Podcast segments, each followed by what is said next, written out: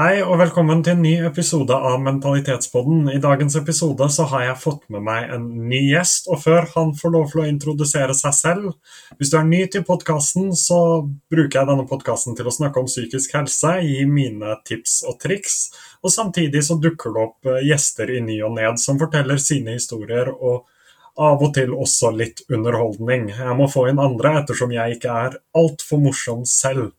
Men så tilbake til gjesten. Han skal få lov til å introdusere seg selv, så vær så god.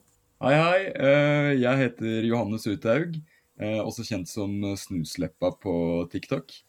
Eh, Jeg studerer nå russisk i Bergen. Flytta hit i starten av august.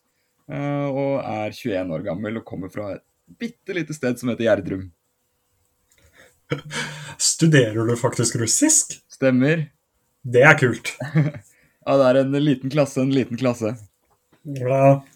Hva skal du bruke den eh, russisken til? Jeg skal inn i diplomatien, da. Eh, Så har lyst til å bli stasjonert i ja, type Sentral-Asia eller Øst-Europa. Ja, det er sykt kult. Er litt spesielt, i hvert fall. Ja, det var det jeg òg hadde lyst til, og så fant jeg ut at det markedet var jo veldig lite, så da ble jeg økonom i stedet. ja, litt, eh, litt stor, eh, stort spenn, i hvert fall. Ja. Men eh, vi kan begynne med en liten konkurranse jeg har for alle gjestene mine. Jeg kaller den for Ti kjappe. Yes. Jeg stiller ti spørsmål, og du skal svare fortest mulig. OK, Yes. Er du klar? jeg er klar. Flott. Da begynner vi. Favorittmat? Butter chicken. Favorittby i Norge? Eh, Bergen. Favorittby i verden? Hanoi.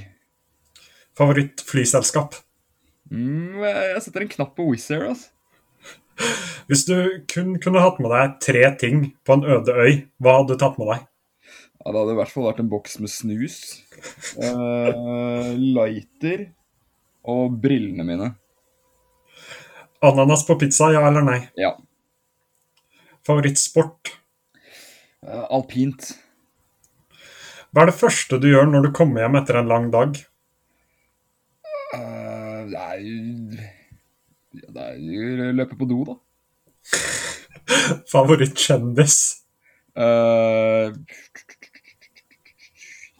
jeg er veldig glad i Herman Flesvig. Uh, og siste spørsmål. Favorittidrettsutøver? Um, Van der Sar. Det er ikke verst. Uh, det, du landa på 1.03, og da tror jeg du tar over den førsteplassen. Uff. Deilig. Så det er ikke verst. Men så kan vi gå videre til spørsmålene uh, som jeg har forberedt på forhånd. Yes. Og Det første spørsmålet jeg stiller, øh, er i hvert fall stilt til alle gjestene mine, fordi det kommer mye spennende historier ut av det. Hvordan i alle dager havna du på TikTok, og hva er historien bak? Nei, det var egentlig det at eh, jeg var og studerte i Ghana. Eh, dro dit nå i eh, midten av januar. Eh, og så kom jo et visst virus. Eh, så jeg ble jo sendt hjem igjen. Eh, og da var jeg jo Altså, jeg hadde jo ikke noe jeg skulle egentlig være ute og reise til slutten av juli. Um, men da, så så jeg hadde jo ikke noen planer, jeg hadde ikke noe jobb. Det var plutselig 14 dager i karantene og sånn. Og da var det okay, altså, så jeg at jeg begynte å få på Snapchat så mange som drev og sendte direkte TikTok, så jeg bare ja, ok, da skal vi bare prøve å lage noe kødd til gutta. Og så la jeg ut én TikTok som plutselig fikk ja, over en halv million visninger, og da var jeg sånn oi, det var så enkelt, ja. Eh, Så var det egentlig bare å starte å poste litt sånn her og der, fram til det tok veldig av i midten av juli. Så det var egentlig bare det at kje- kjedsomhet i karantene. Ja, det, Du hadde flaks med den kjedsomheten. Du ligger vel nå på mellom 80 og 90 000 følgere, gjør du ikke det? Det passerte vel 85 000 i går, tror jeg. Det er helt sykt. Ja, det har gått veldig fort. Ja. Um, men altså Tenker du at dette er noe du holder på med fordi det er gøy, eller har du noen gang tenkt på å prøve å tjene penger på det? Uh, Nei, altså, det er jo egentlig litt litt for gøy og Altså, jeg er jo alltid vært uh, glad i oppmerksomhet. Så det å bli kjent igjen ofte jeg føles litt, uh, litt kult, da. Uh, men det er altså det er mest for uh, Mest for å ha noe å drive litt på med. For nå har jeg jo jeg har sagt, jeg har flytta, bruker egentlig meste tiden min på skole. og så får jeg jo ikke Eller jeg har ikke, jeg har ikke søkt etter jobber og sånn ennå, så det er et godt tidsfordriv. ja, du har jo flytta nå, og bor jo du i kanskje Norges største guttekollektiv. Ja, Hvordan går det? Tror jeg òg. Uh, det går egentlig ganske greit. Er, jeg tror du må være relativt sosial for å bo et sånt sted. Uh, så um, alle vet vel hva de går til. Ja. ja og så videre på spørsmålene. Hva, hva, er din liksom største drøm i livet? Hva er det du vil få til?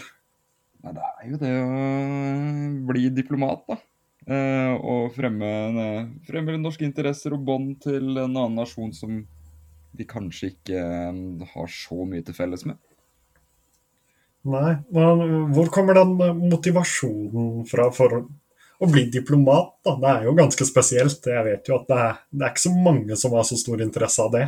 Nei, det er egentlig Altså, jeg aner ikke hvor det kommer fra. Men uh, når jeg var Egentlig så lenge jeg kan huske, så har jeg vært veldig fascinert og tiltrukket av uh, Russland i den form at jeg liker den brutalistiske uh, arkitekturen deres og sånn, av de der store betongblokkene og sånn. Har alltid bare fascinert meg noe helt sinnssykt. det er jo et naboland for oss i Norge. Men det tenker vi kanskje ikke over. Det er jo ja, Det er så mye kultur der. Og så har du jo også Etter at eh, Sovjet falt, så kom det jo en del sovjetstater rundt oss som er De er så langt unna det vi er i Norge, da. Eh, og er så veldig, veldig forskjellig fra oss. Det er egentlig bare det å gå litt inn i den kulturen som vi gjerne ikke får via ja, media og popkulturen, da. Vår typiske popkultur i Vesten. Ja. Har du liksom alltid vært interessert i sånn type historie? da? Det er en vanlig interesse for eh, de som vil bli diplomater? Ja. Veldig, veldig historienerd. ja. Uh, jeg syns historie er utrolig interessant. Det var alltid favorittfaget mitt. Ja, da er vi to, da er vi to.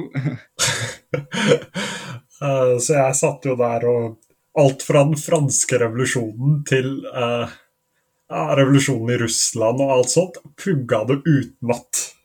Ja, det var litt sånn gøy når du nesten får fri historietimen. Bare sånn at ja, enten så kunne du det, eller så var det bare det der at uh, dette her er faktisk gøy å sitte og lære om. Ja, det er akkurat det. Mm. Um, men du er jo ganske reiseinteressert òg. Det er i hvert fall det du viser på TikTok. Yes. Med noen ganske spesielle reisehistorier. Ja, jeg kan jo faktisk si at det kommer en nå. Uh, for jeg var jo uh, Vi hadde beer pong-turnering her, jeg og noen av gutta. Så dro vi ut på byen i går. Um, og jeg skal da med to av karene jeg bor i den leiligheten her, pluss uh, en kompis av meg, Trym, som jeg har vært reist mye med, og et par tilfeldige karer vi møtte ute på byen i går. Vi flyr til Kaunas på lørdag. Såpass, ja. Yes. Bestilte deg tur i fylla? Jepp. Og det er ikke første gang. ja, jeg har, jeg har, gjort den feilen en gang. Ja, hvis, Hvor var det du endte opp da? Nei, altså Jeg skulle ikke til utlandet, da. Men eh, jeg hadde møtt ei jente på Tinder. Oh. Ja. Eh, så var jeg full en dag, og så bestilte jeg meg flybilletter morgenen etterpå. Oh. Ja. Tror du jeg sto opp? Nei. Nei. Bortkasta 1000 kroner i tur-returbilletter. Ja, men det er det at du står opp, og så var kanskje ikke hun dame Det var liksom mer sånn eh, Ja, kanskje det var uh, fylla som prata litt, og så er det sånn Nei, skal jeg orke å dra til flyplassen nå? For du må vel til Vigra, må du ikke det? Jo, jeg må til Vigra. Ja. ja det er jo et stykke. Ja. uh, så Nei, altså, fyllaturer ender veldig sjeldent godt. Ja det er eh, Jeg har i hvert fall god erfaring. Ja, du har det? Ja.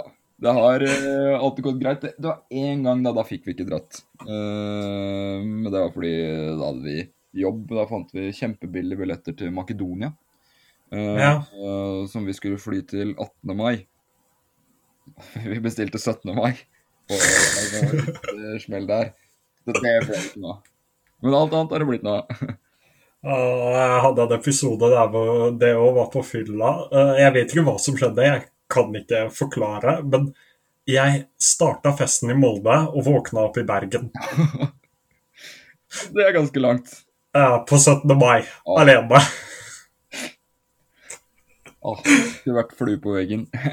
Ah, Det er noen bra historier. Men hva er liksom grunnen til at eh, du driver og reiser rundt i kanskje ikke de vanligste feriemålene for nordmenn? Nei, altså, kanskje litt sånn derre eh, Jeg har mye interesse av, som sagt, de landene vi ikke lærer så veldig veldig mye om, eller hører så mye om, som likevel er veldig rik i kulturen. Eh, og så er jo det at eh, det er Jeg er ikke den typen som har lyst til å sitte på Granka, Heia Norge, bare bestille fårikål, liksom. Det syns jeg er eh, bortkasta tid og penger. Da kan du like så godt være hjemme, selvfølgelig. Det er mange som liker det, men det er absolutt ikke for meg i det hele tatt.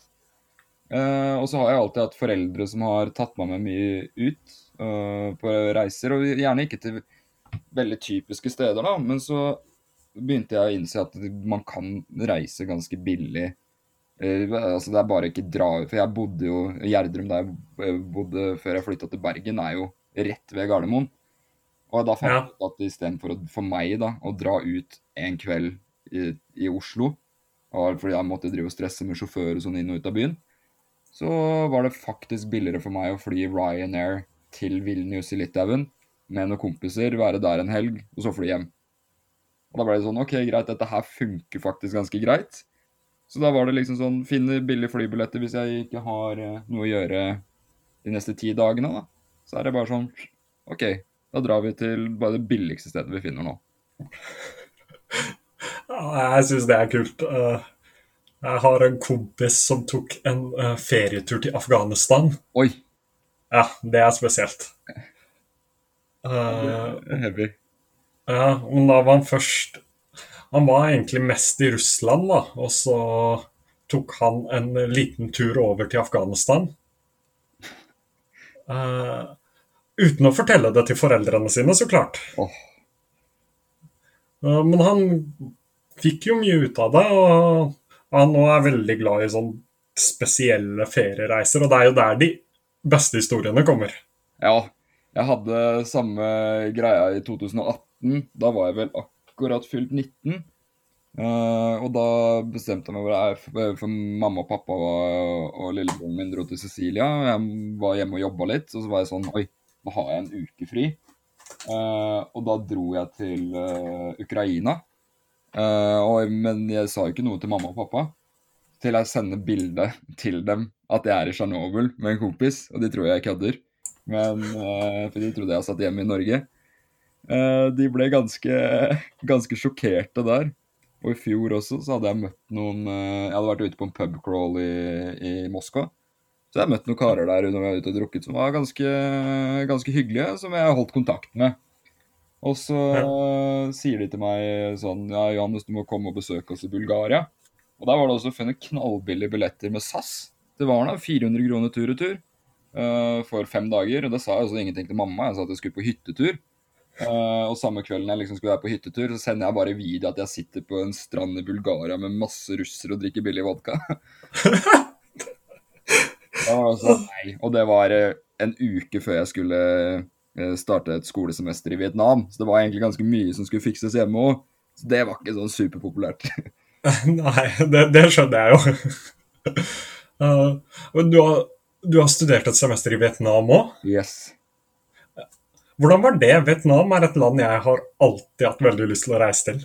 Ja, det er vel et av mine favorittland, tror jeg. Uh, det elsket jeg, ass. Det var uh, helt uh, Altså kulinariske opplevelsene der med bare all den der maten som bugner over overalt. Og smaker det så jæsklig digg, og det er hyggelige mennesker, det er knallbillig. Du Du føler deg veldig, veldig trygg overalt, da. Så det Ja. Jeg, med en gang korona er over, så skal jeg rett tilbake igjen. Ja. Men med alle de eh, reisene dine, hva er den villeste reisehistorien du har? Oh. Som du kan dele i offentligheten, da. Ja, altså det som var mest tilfeldig, da Eller jo, jeg har en ting som er ganske, ganske moro. Eh, for det var jo faktisk når jeg dro til, eh, til Ukraina. Så jeg vet ikke om eh, Har du sett på Ylvis-brødrene? Det Ja. Hvor de prøver å bli popstjerner i Kirgisistan? Ja. Ja, der har de jo en manager som heter Ilja Lukash. Eh, Og jeg, rett før jeg skulle til Ukraina, så hadde jeg bare sittet og sett på The Big in Kirgisistan. Da. Og jeg syntes jo det var dritmorsomt. Og han karen var jo det var liksom det nærmeste man kommer eh, virkelighetens bord att. Eh, og så søker han bare tilfeldig opp på Facebook, da, så ser jeg faen han bor jo i Kiev. Eh, så jeg bare tenker jo ikke på å få svar, eller noe sånt, men jeg sender han en melding på, eh, på Facebook sånn Nei, du, jeg og en kompis eh, skal nedover til Kiev i morgen. Har du lyst til å vise oss litt rundt? Og han bare Yes, of course, no problem. Jeg bare? Og så drar vi liksom Ok, vi drar og møter han sånn. Han bare OK, vi har kaffe geltok. Og så viste det at du skulle si geltok. Så ingen skjønte jo at vi gikk rundt og sånn geltok, geltok. Det betydde bare kaffe gul, som var rett ved siden av jobben hans, da. Og han kommer da i lunsjpausen, setter seg ned. Hi guys, let's do some shots. Og vi bare, Det var liksom klokka to på, to på ettermiddagen. Så vi starter jo, ok, greit, kjører jo på. Uh, og så er han sånn ah, Har dere lyst til å være med på Være med og se i studio og sånn? Jeg bare ja, ja. Dritkult, liksom. Og da er vi jo litt uh, fine i formen. Og så viser det at han eh, har jo For han snakker relativt Ja, han er flink på engelsk, men vokabulæret hans er ikke det beste. Eh, så han spør liksom ja, har dere lyst til å være med på TV, for vi trodde han mente å vise oss studio. Så da står vi da ganske ja, ganske gode, gode i formen på live ukrainsk TV. Det som var at Vi måtte ha et airpiece inni øret, hvor de da snakker Altså, vi svarte på engelsk, og så fikk, fikk vi det oversatt på øret på ukrainsk. Så vi måtte jo da si det, bare gjenta det som kom i øret. Og da snakka jeg jo ikke et ord ukrainsk eller russisk. Så da står du liksom der og bare prøver å etterligne et språk du ikke vet hva er, på live TV, mens han driver og holder et seriøst intervju. Uh, det var uh, veldig sånn uh, Jeg trodde ikke jeg skulle finne meg i den situasjonen. Og så når vi var ferdig med det, så var han sånn OK, greit, nå skal vi ut, og nå skal jeg vise dere en jævlig fet restaurant. Og det tror jeg liksom er James Bond, for han her, nei, Ilja er veldig, veldig, veldig pro-ukrainsk. For han har vært fengsla sånn i Russland, blant annet for å være homofil og beskyldt for å være høyreekstrem fordi han gikk imot kirgisiske myndigheter.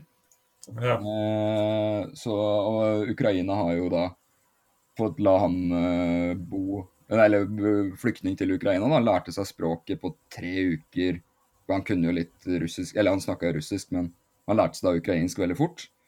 Så han er som sagt veldig, veldig, veldig pro-ukrainsk. Og så viser han oss da en sånn Nå har jeg sett at den har blitt åpen, men den var ikke åpen i 2018.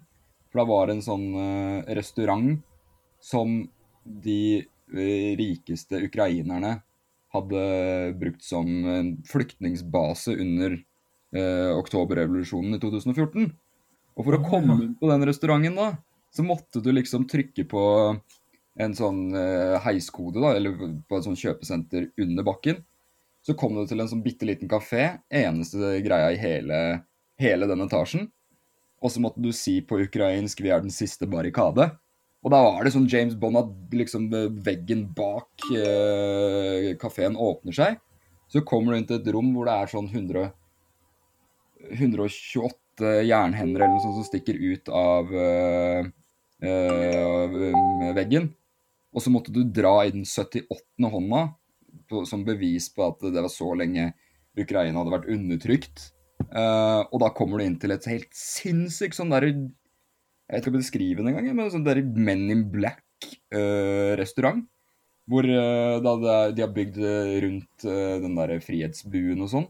Så undersiden av Frihetsbuen står inni restauranten. De serverer kun ukrainske produkter. eh, og de hadde biter av Berlinmuren og sånn som de hadde tatt med seg og rammet inn rundt der. Og hvert eneste sånn eh, monument i Kiev hadde de satt der, men de hadde stri sånn eh, kopier av dem. da. men strippa dem for alt som hadde med Sovjet å gjøre. Så det var sånn Åh. Det var veldig, veldig sprøtt. Gikk fra en lunsj til der og live-TV samtidig på løpet av et par timer. Å, herregud. Ja, det var ganske sprøtt. Så du har vært på live ukrainsk TV, Yes. og så en sånn hemmelig uh, James Bond-aktig kafé? Yep. Det er helt Ja, det var der det satt alle, alle som når uh, Russland tok Krim. Det var liksom alle de som Når politiet sto og skøyt demonstranter og sånn, så var det der de eh, rike gjemte mange av demonstrantene og de som var etterlyst da, for å gå imot russiske myndigheter. Så det, var ganske, Ja. eh, det var ganske heavy, men det var dritinteressant. Ja, eh, ok, uh, jeg må nesten spørre deg. Hvis noen nå skulle ha lyst til å reise, hva er tipset ditt til å få med seg sånne ville historier og kunne fortelle barna og barnebarna? Bare si ja til alt. Så lenge det ikke er eh, noe skumle eh, Hva skal jeg si? Ja. Hvis du føler deg komfortabel, bare si ja. Bare tenk på det beste nå, kanskje, og ikke det verste. Ja, for jeg òg har en, én veldig bra historie. Ja, kjør på. For jeg var i Tyrkia Mhm. eh, rett etter eh, terrorangrepene på flyplassen der. Ja.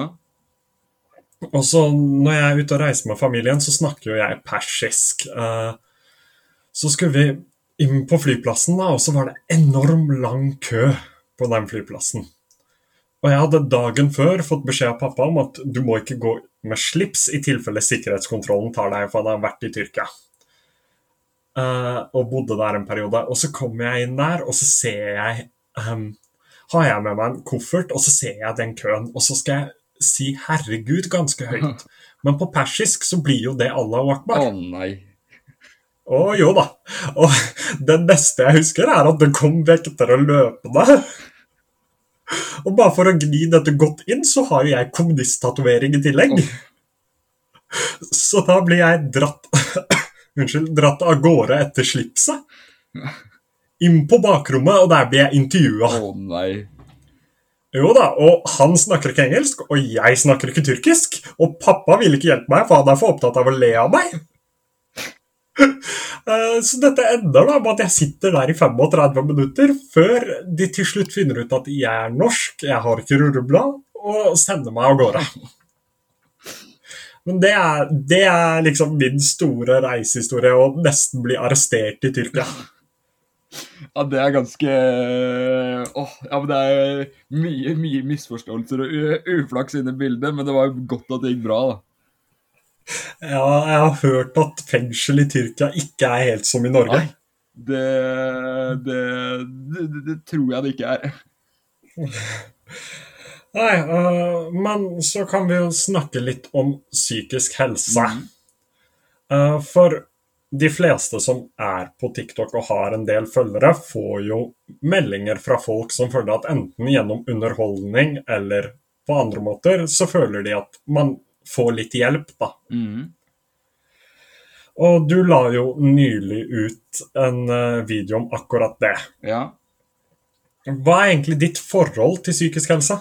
Nei, altså For meg så syns jeg spesielt at det er viktig å prate om psykisk helse blant menn. For jeg hører ofte at det er noen som sier at det må vi ta opp, men det blir aldri tatt så seriøst som jeg skulle ønsket det. Og det som startet den der lille brannfakkelen med akkurat det også, var at jeg så at det var en stor feministisk eh, Eller en feministisk eh, underholdningsside der som eh, kalte seg står der at det, det, de skal ha likestilling, men så er slagordet deres 'jenter først'. Uh, og det blir jo da helt motsigende igjen. Og fokus, altså jeg følte at de fokuserte på veldig, veldig Jeg skal ikke si uviktige ting, men uh, altså At man kaller en brannkonstabel for en brannmann. At det var veldig, veldig farlig, da. Uh, men at menn dreper seg i Norge tre ganger Eller tar, uh, utfører selvmord tre ganger så mye som kvinner, det er liksom ikke ikke et tema de gidder å snuse borti. Og så var det som sagt det slagordet igjen, da, som jeg syns var veldig, veldig feil. Ja, for jeg har jo, jeg har jo sett uh, den gjengen. Jeg tror det var du som uh, en video eller et eller annet. Mm. Uh, og jeg òg er for at vi skal ha likestilling. Ja, Det er det minste vi kan be om. Ja, men altså Hva er viktigst, da? Uh, akkurat nå, hva haster mest? Om det heter politimann eller politikonstabel eller politibetjent, eller at det er så mange menn som tar sitt eget liv? Mm. Altså, altså, Kjønnsroller går jo begge veier. Så jeg har jo latt meg frustrere enormt av den eh, gjengen der. ja, for det var det vi drev og diskuterte med noen av gutta her i stad også, at det pick your battles, liksom. Eh, jeg føler at mye det der blir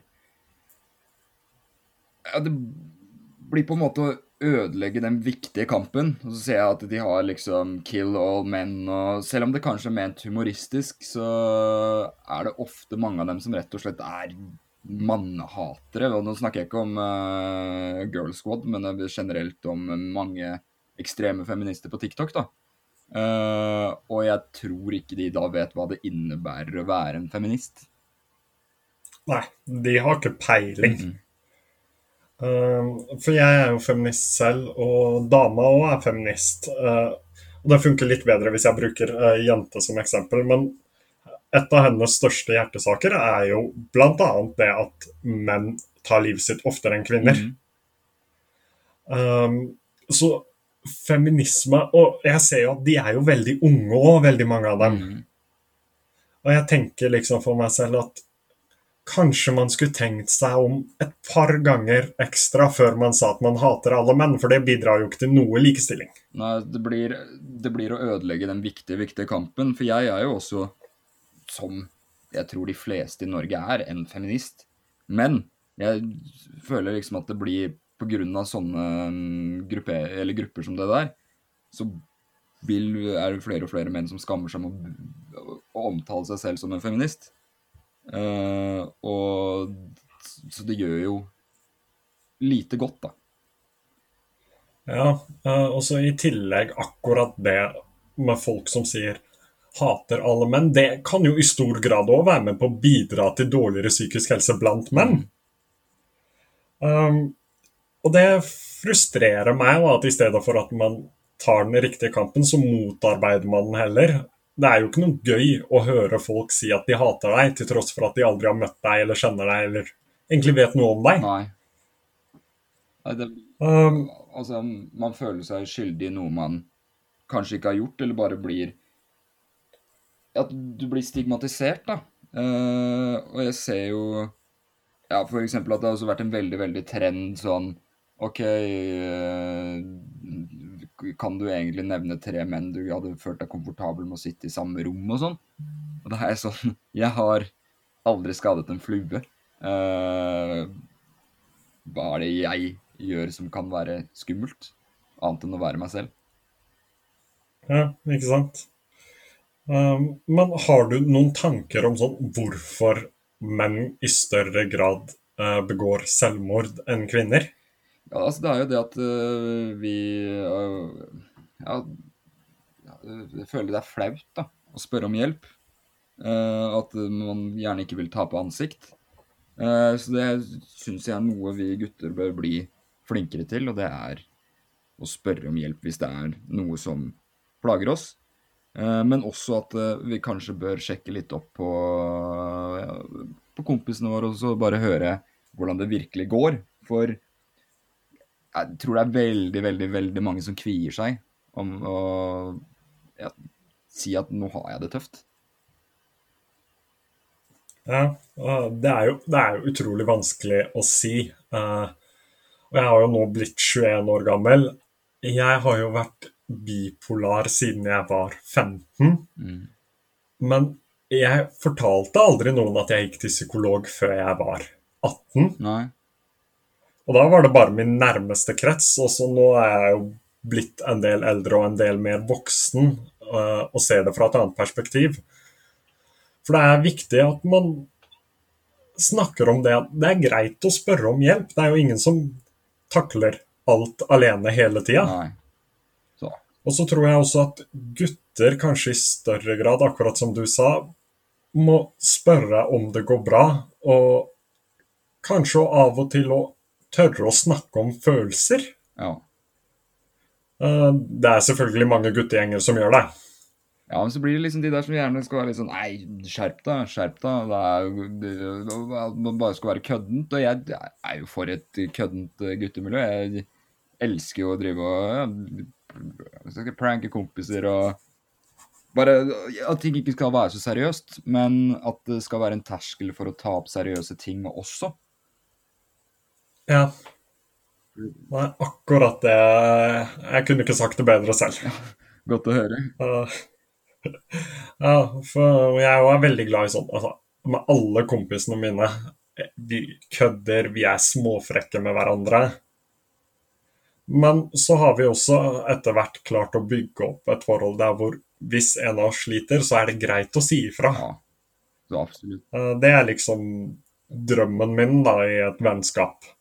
Ja, for det er sånn, jeg, har jo gått til eh, behandling selv, og da fikk jeg jo beskjed om at uh, gjerne ikke bare kom til uh, Hvis du føler deg nedenfor, ikke bare bruk kompisene dine som en sånn skulder å gråte på, men gjerne også hvis du er nedenfor, trenger du bare Dere kan henge, dere trenger bare ikke si noe, men at uh, man heller bare ofte er der for hverandre, da.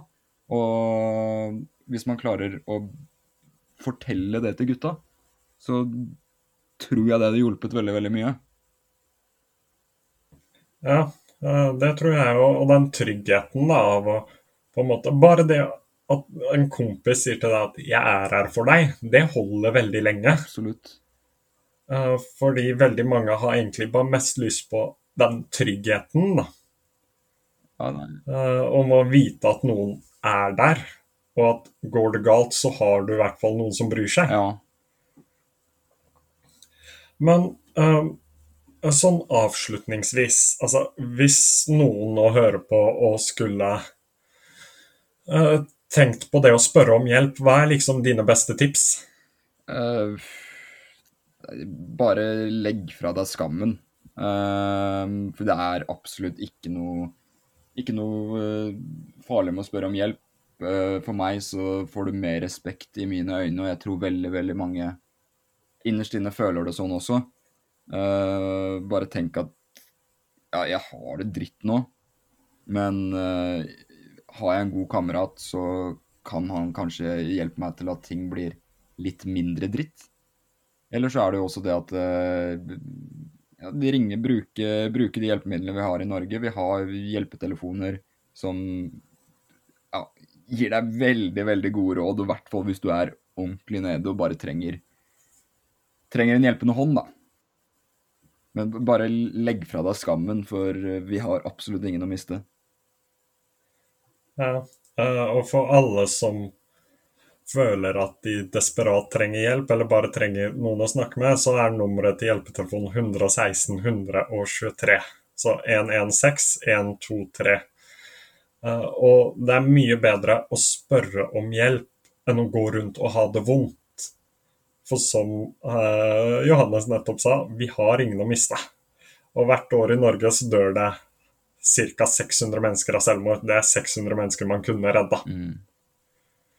Så bare så alle dere som hører på vet om det, ta kontakt med den telefonen hvis det skulle være noe. Den er døgnåpen. Yes, eh, Er det noe du har lyst til å si før vi gir oss?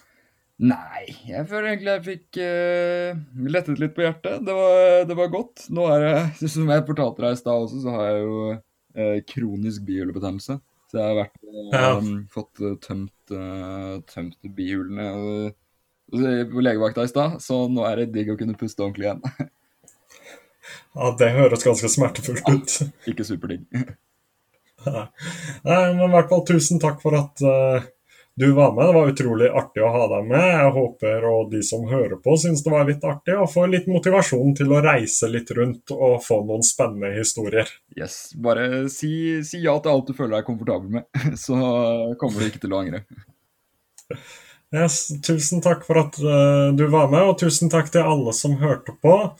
Og så høres vi nok snart igjen.